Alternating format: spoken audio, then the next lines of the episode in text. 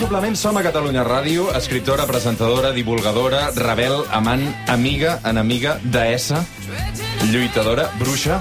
Amb aquests adjectius es descriu a la seva pàgina web la Noemí Casquet, una periodista que aquests últims anys ha revolucionat el món de la comunicació amb la seva manera d'entendre i d'explicar la sexualitat.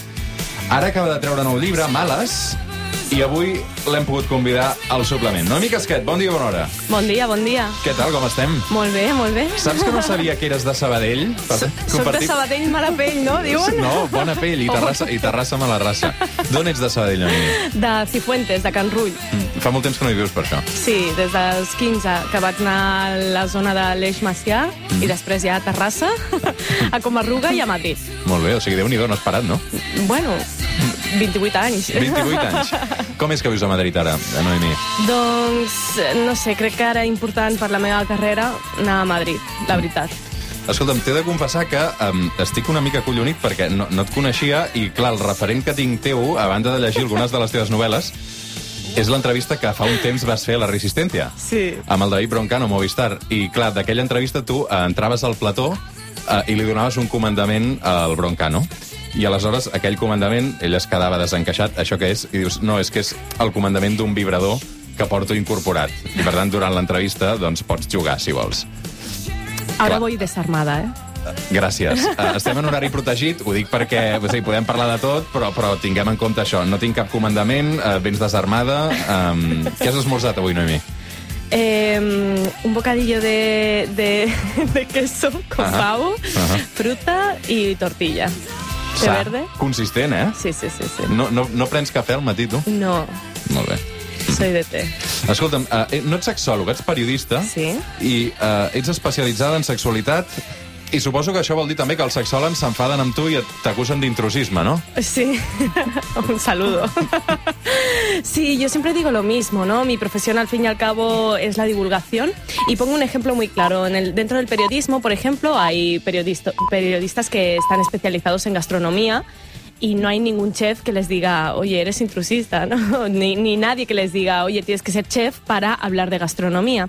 Y es un poco lo que sí que me pasa a mí, que me dicen, tienes que ser sexóloga para hablar de sexualidad. No, perdona, yo no me dedico al ámbito clínico, yo no hago terapia personal. No tens yo lo que hago es, exacto, yo lo que hago es divulgar a, a la masa, en, en realidad, sobre sexualidad e intentar hacer un trabajo para que la sexualidad se naturalice, al fin y al cabo. Y por lo tanto también visibilizar el trabajo que hacen los sexólogos y sexólogas.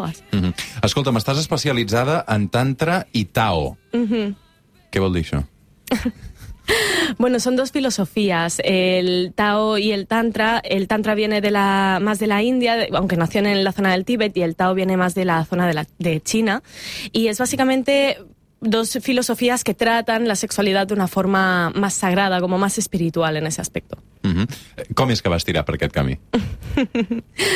Bueno, pues la verdad es que tuve experiencias de meditativas y de trance justo cuando estaba en pleno... No, la verdad es que me cohibe mucho las horas que, que son. No, entonces- pa- no pateixis. Escolta'm, Pues en pleno folleteo. Sí, despertar sexual. Eh, sí, sí, sí, vale, perfecto, me encanta. Jo parlaré amb eufemismes i tu... Se censura todo el rato.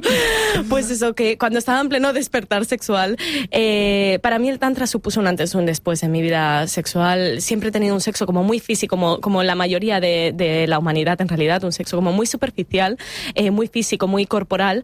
Y me di cuenta que a través del sexo podría ser como el inicio hacia un trayecto introspectivo y espiritual y es en el que me encuentro. Però, eh, o sigui, què és el tantra? Què, o sigui, es tradueix en orgasmes més llargs? Pregunto, eh? No, no, no, no. Eh, básicamente el, el tantra lo que es es una filosofía de vida, es decir, el cómo te tomas la vida, el estar aquí, estar disfrutando de esta entrevista, pero también tiene una parte muy sexual, es decir, es a través del sexo donde se utilizan las meditaciones y, y se entra en trance a través de, de esa, de esa vía, por así decirlo. El tantra también abraza todo lo que es la dualidad que tenemos en nuestro interior, es decir, todos tenemos una energía femenina y una energía masculina y se trata de estar en pleno equilibrio, porque esa polaridad también es una polaridad universal que podemos ver en nuestro mundo. Molts dels teus seguidors et diuen Mamà Noemi. Mamá Casquet. Mama Casquet. per què? Eh, bueno, es... no sé, instinto maternal será. Porque, bueno, siempre me decía, mamá Casquet. Os ayuda, mamá casquet os cuida. Siempre que decía algún truco erótico, sexual, eh, siempre decía lo de mamá casquet os cuida. Entonces, ¿qué pasa? A mí me censuraron Instagram hace un tiempo, me censuraron dos cuentas, de hecho, con mi nombre y apellido, ¿Por Noemí qué? Casquet. Bueno, básicamente porque Instagram lleva muy mal eso de que hackeen el sistema, por así decirlo, y que hackeen el sistema, yo a lo que me refiero como sistema es eh, la estructura social que tenemos, ¿no? Y sistemática en nuestro, en nuestro mundo. Entonces, eh, a través del sexo yo intento ese hackeo e Instagram pues obviamente no, no le gusta demasiado, entonces decidió eh, censurar dos cuentas. Y ahora estoy con esta última que me tuve que poner el seudónimo de Mamá Casquet para que me la aceptaran. Però tu guanyes diners a través d'Instagram, no? Sí, me, me- em- es parte de mis ingresos, sí. Què és Santa Mandanga? Santa Mandanga es la primera plataforma de educación sexoafectiva explícita. Soy la directora, estoy justo con mi socio Roberto Garcés y los dos lo que intentamos hacer son videotutoriales explícitos de cómo hacer una mamada. Pues hay cuerpos reales, personas reales que paso a paso, con un equipo de sexólogas y sexólogos y terapeutas en general, eh, te ayudan pues a, a hacer esa mamada de forma correcta. A tu t'hagués agradat que t'haguessin explicat com fer una fel·lació a l'institut? A mí me lo, me lo explicaron, de hecho. A l'institut? No, mi madre. Carai. Sí, mi madre para mí fue la figura, eh, eh, para mí fue un referente en cuanto a educación sexual. Siempre ni- no tuvo ningún tabú con respecto al sexo y, y siempre que le preguntaba, mamá, ¿cómo puedo hacer esto? Mi madre me lo decía sin ningún tipo de, de tapujos. Eh, Segurament molta gent o molts pares eh, sentiran vergonya, no? O, o que siguin els seus pares els referents sexuals. Eh, és aquesta imatge fins i tot tètrica, a vegades, no? Amb tu no ha estat així. Per què? Bueno, yo creo que mi madre desde, desde bien pequeña, mi madre nunca me ha juzgado por nada y siempre me ha enseñado la libertad y la naturalidad del cuerpo. Al final, todos, absolutamente todos, nacemos de dos células sexuales y, habrá sido una forma de otra, pero la gran mayoría nos cocemos en el acto sexual.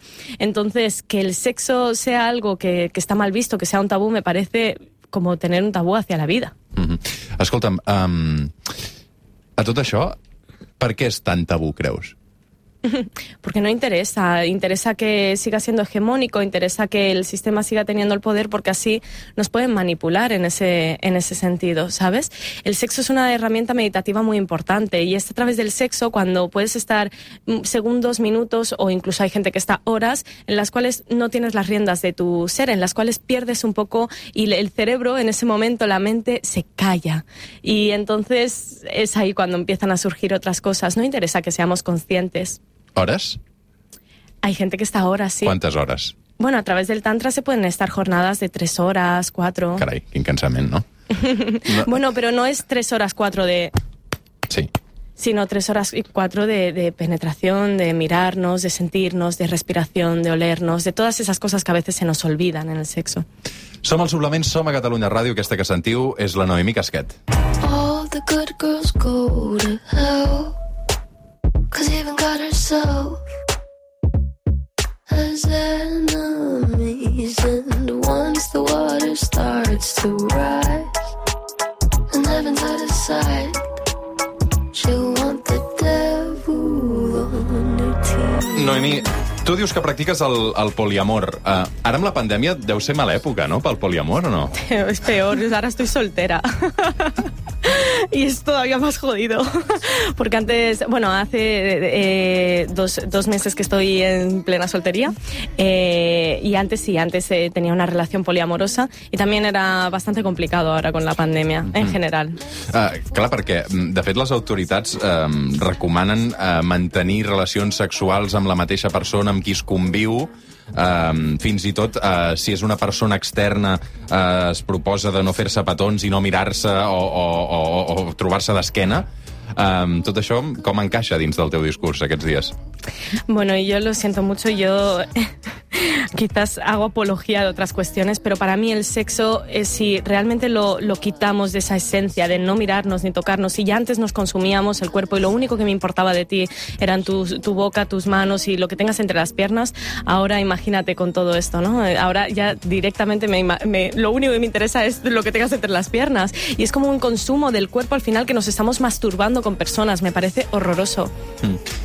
Has fet l'amor amb mascareta? No, no. No, no, y no lo voy a hacer. A no ser que sea un juego de rol, que entonces ya me lo puedo pasar muy bien, ¿no? Que esté amordazada o esté ahí con otro tipo de máscaras. Um, escolta'm, uh, per alguna persona que acaba d'aterrar de, de Mart, eh? eh, què és el poliamor? Bueno, el poliamor es un tipo de relación no monógama donde no existe exclusividad ni afectiva ni sexual. Es decir, yo puedo tener una relación y al mismo tiempo puedo tener otras relaciones con otras personas, relaciones tanto románticas como afectivas, ay, perdón, como sexuales. Y también el poliamor pues se presenta la posibilidad de tener relaciones grupales, es decir, pues a través de las triejas, por ejemplo, que no es un trío, sería trieja como pareja, pero de tres, o las cuatrejas, que sería lo mismo, pero de cuatro. Mm. Um, clar, uh, o sigui, parles de sexe de manera molt oberta uh, des del principi, també per l'educació que dius que, que, que et van ensenyar els teus pares, um, però, i segurament hi ha tota una generació al darrere que s'està començant a obrir d'aquesta manera, però després mires estadístiques i diuen que la generació actual eh, practica menys el sexe que l'anterior, ¿no? Per què creus que és això? És culpa de les xarxes, també? Porque cada vez estamos más hipersexualizados, pero de una forma únicamente. Es decir, tenemos muchos estímulos sexuales. Y ahora entras, por ejemplo, a TikTok, que es una de las eh, herramientas que están utilizando más la gente joven, y es que todo, casi todos los vídeos que sube la gente joven, los challenges, los bailes, son todos sexuales. Es decir, todos se graban como si estuvieran encima tuyo y como la cara que pondrían. O se graban, ahora pasa, es un fenómeno que está pasando mucho, que es que se graban mucho los chicos juntos, ¿no? Teniendo como incluso ciertas, mm, no sé, gestos eróticos entre ellos, ¿sabes? Simplemente pues para, para gustar a los demás, ¿no? Y para, se sexualiza muchísimo la, la gente joven. Entonces yo creo que, que pasa un poco con esa cantidad de estímulos que al final lo que está, lo que se, se presenta es como un poco el lado contrario. En Japón pasa mucho que de tantos hiperestímulos que tienen... Eh, de- Després, a l'hora de la veritat, no? Claro, tienen el 40% de, la, de los jóvenes son asexuales en Japón. Y claro, de Japón lo que vemos con la sexualidad, pues, pues puedes imaginarte, ¿no? Todo ese campo y ese universo de fantasías sin límites que tienen en esa cultura. I creus... Però és molt artificial, no, això? Sí, es que al fin y al cabo, bueno, artificial, ¿en, en qué sentido?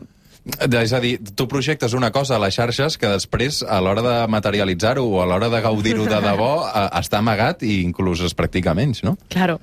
Em, bueno, yo te iba, a entrar ahí un poco en la llaga, pero voy a entrar, bueno, en, en un poco lo que pasa en, los, la masculinidad tóxica que tenemos hoy en día es un poco esa misma careta también, ¿no? Que al final, sobre todo masculinidad en grupos, se adquieren ciertos roles que al final, mm, no sé si en vuestro interior es lo que realmente eh, sentís que tenéis que, ser en ese sentido. Què és la per, co- per tu?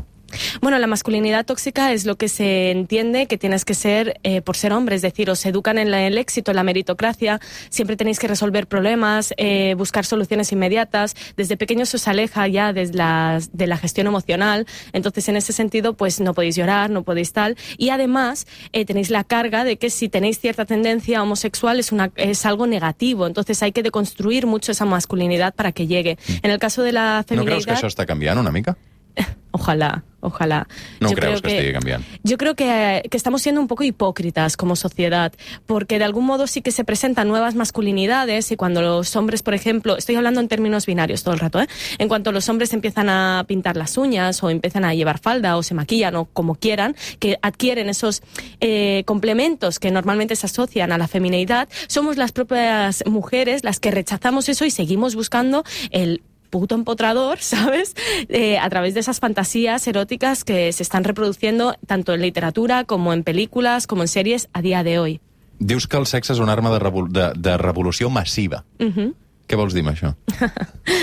Pues eh, es eso, es básicamente una, una herramienta en la cual podemos hacer un trabajo de introspección. Es a través del sexo, es el primer paso para mí hacia un camino en el cual puedes responder la pregunta que todo ser humano se hace, ¿no? Y es ¿quién cojones soy y qué hago en este mundo? Pues para mí ha sido la respuesta a través del sexo. El sexo ha sido siempre una, una mm, herramienta que ha sido muy censurada y controlada por el sistema. Y para mí es una de las herramientas que tenemos que, que aceptar y no normalizar, sino naturalizar, porque lo que se hace normal se sigue rigiendo por una norma social en ese aspecto y por lo tanto por una estructura. Tenemos que empezar a naturalizarlo porque lo que es natural no se puede cuestionar. Tu quina educació vas rebre sexual a l'institut o a l'escola? Pues bueno, me, me enseñaron a los 16 a poner un preservativo a una especie de falo cuando yo ya los ponía con la boca, llegaron tarde. Eh, y luego ya está, me, me- ah sí, me enseñaron por dentro cómo era un pene y una vagina, pero a mi vagina no sé por qué le faltaba algo o a la mía le sobraba algo, porque yo tengo clítoris y, a, y no aparecía en los libros de texto en ningún momento. Tens 28 anys, d'això deu fer 12 anys o 13. Ha canviat alguna cosa durant aquest temps a l'educació sexual a les escoles i als instituts? Bueno, poco a poco creo que sí que se va haciendo algo de educación sexual, eso sí, creo que poco a poco, sobre todo hay mucha preocupación por parte de los profesores y las profesoras que quieren eh, tener ese acercamiento sexual con el, eh, a través de la educación con, con todos los alumnos, pero sí que es cierto que seguimos un poco como educando en el miedo. Yo creo que es muy necesario, eh, sin duda, el educar sobre los embarazos no, dese- no deseados, sobre las ITS, las infecciones de transmisión sexual, pero también sobre el placer y esto es algo que y la diversidad y esto es algo que no se está haciendo. Una de les coses que critiques eh, sovint és que en aquesta societat eh, hi ha una frase que fa servir que m'agrada molt, que és aquí te pillo, aquí te empotro. Sí, vivimos en la cultura del hookup. Eh, bueno, yo no sé si tienes Tinder o alguna de estas aplicaciones para ligar, eh, pero básicamente es que es que es así. O sea, tenemos un escaparate de seres, de cuerpos que vamos utilizando y vamos diciendo este lo quiero consumir, este no, este sí, este no, y es el aquí te pillo, aquí te empotro. Es decir, únicamente queremos Com un gran magatzem, no? Exacto, queremos el orgasmo inmediato y queremos el sexo inmediato. Y estamos, bueno, nos están educando en, en la impaciencia, en realidad, en la inmediatez. I això no t'ha interessat mai, a tu? ¿El qué? ¿La impaciencia? No, pr practicar, entrar en un gran magatzem, també. Sí, claro, yo he estado en lugares donde se consumen los cuerpos de forma inmediata, lugares como pueden ser los club swingers y, y demás, pero la verdad es que yo no conecto. Yo entiendo que haya gente que pueda conectar y no está ni bien ni mal, es simplemente que te guste o no te guste. Y yo no entiendo el sexo de esa forma, pero lo respeto, por supuesto. Ante todo, diversidad.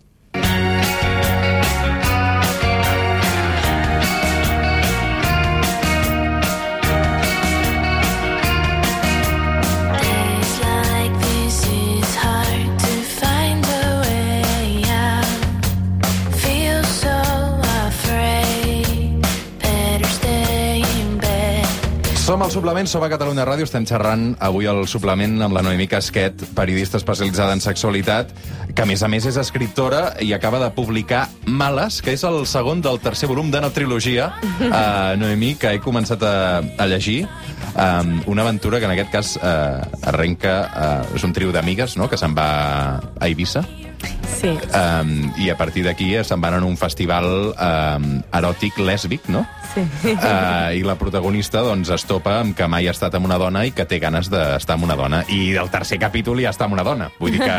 Ja, Spoiler! Spoiler dels, dels 20, de les 20 primeres pàgines. Um, Noemi, uh, és literatura eròtica, no, això? O Què és? Com, com hem de descriure? Bueno, a mí me gusta mucho decir que son novelas de liberación, todo lo que, lo que escribo, ¿no? Porque la literatura erótica de algún modo únicamente se ha centrado en el sexo de esa forma de pumba pumba y listo. Y en este caso sí que utilizan las protagonistas esa sexualidad para su propia liberación.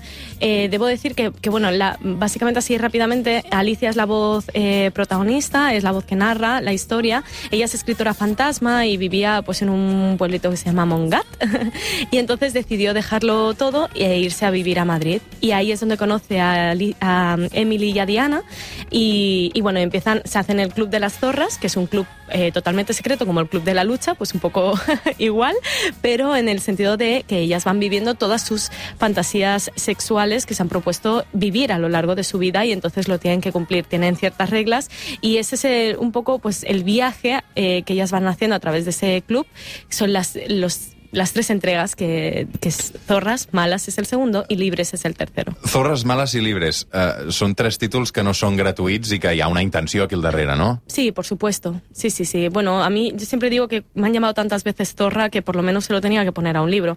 Pero fuera de eso, eh, lo que quiero conseguir es que el término zorra, obviamente, eh, no se utilice de forma despectiva hacia Pejorativa, no? especialmente Sí. El, público femenino, pero sobre todo que como eso no lo puedo conseguir, al menos puedo conseguir que la connotación negativa eh, quitarla un poco. Ya no te tiene que empoderar o que no empoderar, pero al menos que te resulte indiferente. Hi ha un punt d'autobiografia en aquest uh, llibre o no? Estàs cansada que et facin aquesta pregunta, suposo, no? per què rius, per què rius? Porque hay cierto morbo detrás. ¿Qué habrá hecho y qué no habrá hecho? Bueno, hay, hay, hay puntos en los que sí que son vivencias que, que he tenido yo y un poco pues con cierta magnitud, pero otras no, otras no. Ojalá. Mira, el primer capítulo de Zorras es mi fantasía sexual. Hacer un trío con dos chicos bisexuales sería algo que... No resolta, pel que veig. No, no resuelta, pero encarada. Molt bé. Yo sigo buscando activamente. Però te n'has anat a Eivissa de festa amb tres amigues en un festival lèsbic? Eh, sí, me fui a Ibiza en un festival lésbico. El festival lésbico sí que es muy parecido. Y luego, después del festival, viene una experiencia muy importante que es el retiro tántrico. Y también he estado en contacto en retiros tántricos. Y no he tenido exactamente esas vivencias, he tenido otras, pero sí que, es, bueno, forman parte de la base. Al final somos periodistas, ¿no? Yo soy una periodista que apuesta por el nuevo periodismo y que me gusta meterme en, las situaciones y vivenciarlas en primera persona. Digues, digues. Que claro que, que escogí el sexo, que tonta no soy. Ah, clar, són, són tres novel·les que, a més, es publiquen pràcticament amb dos mesos de diferència, perquè, clar, són novel·les que suposo um, que són supervendes i que el teu públic et diu uh, vull més, no? I ja, que està, ja estaven pensades amb tres dosis seguides, pràcticament, no? Sí. Coincidint amb l'estiu, també. Sí, sí, sí, son novelas que la verdad es que son, se consumen rápido, o sea, son, son muy ligeras en ese sentido, no son novelas que te cueste leerlas, sino que te enganchan enseguida. Y en ese sentido también es interesante porque muchas chicas me han dicho, es que me, lo- me he leído Zorras en una tarde, en dos días. Ahora, ayer estaba haciendo la firma y ya me estaban reclamando cuando salía el tercero, ¿no? Porque es que el segundo lo estaban alargando y se lo iban escondiendo por casa para no verlo, porque estaban enganchadas en ese aspecto. Et llegeixen més dones que homes? Sí, pero me leen muchísimos hombres también, ¿eh? Muchísimos. Per què creus que et llegeixen més dones que homes?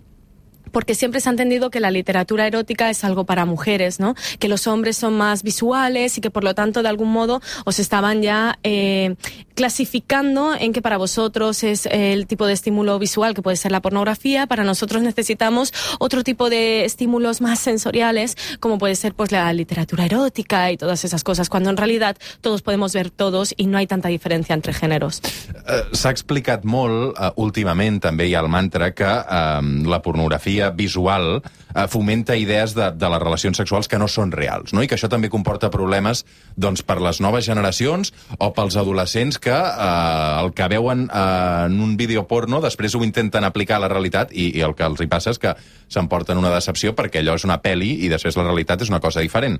Amb la literatura també pot arribar a passar una cosa similar o no? Sí, a mí me hace mucha gracia también siempre que se habla de la pornografía, pero en muchas ocasiones se olvida el cine convencional, que es el primer estímulo sexual que podemos tener, cuando de repente acaban de follar y la chica se levanta y coge todo el edredón para ponérselo a su alrededor y dices, pero a ver, si es que, mm, entiéndeme, acaban de comer ahí lo que tengas, entiéndeme, ¿sabes?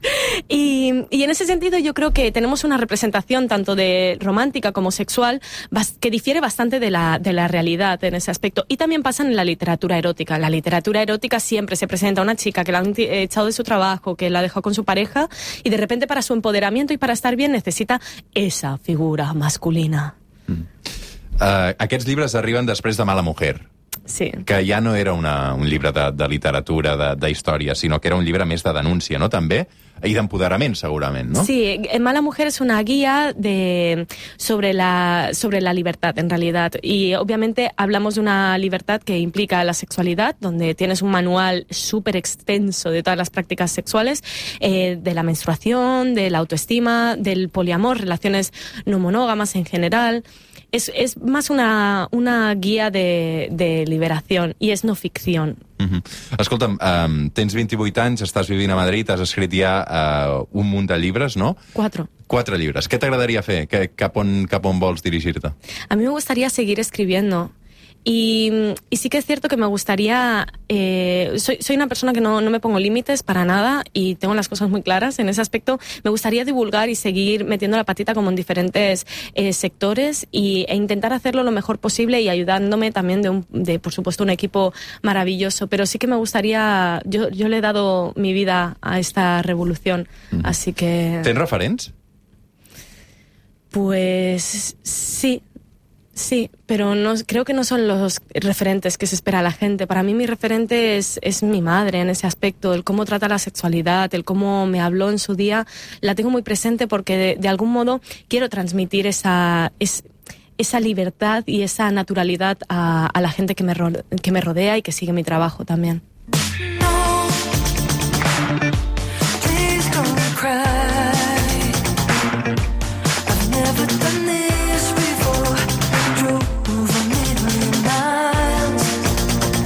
Noemí Casquet, m'agrada molt que avui vinguessis al, al suplement. Um, per acabar, hem començat parlant de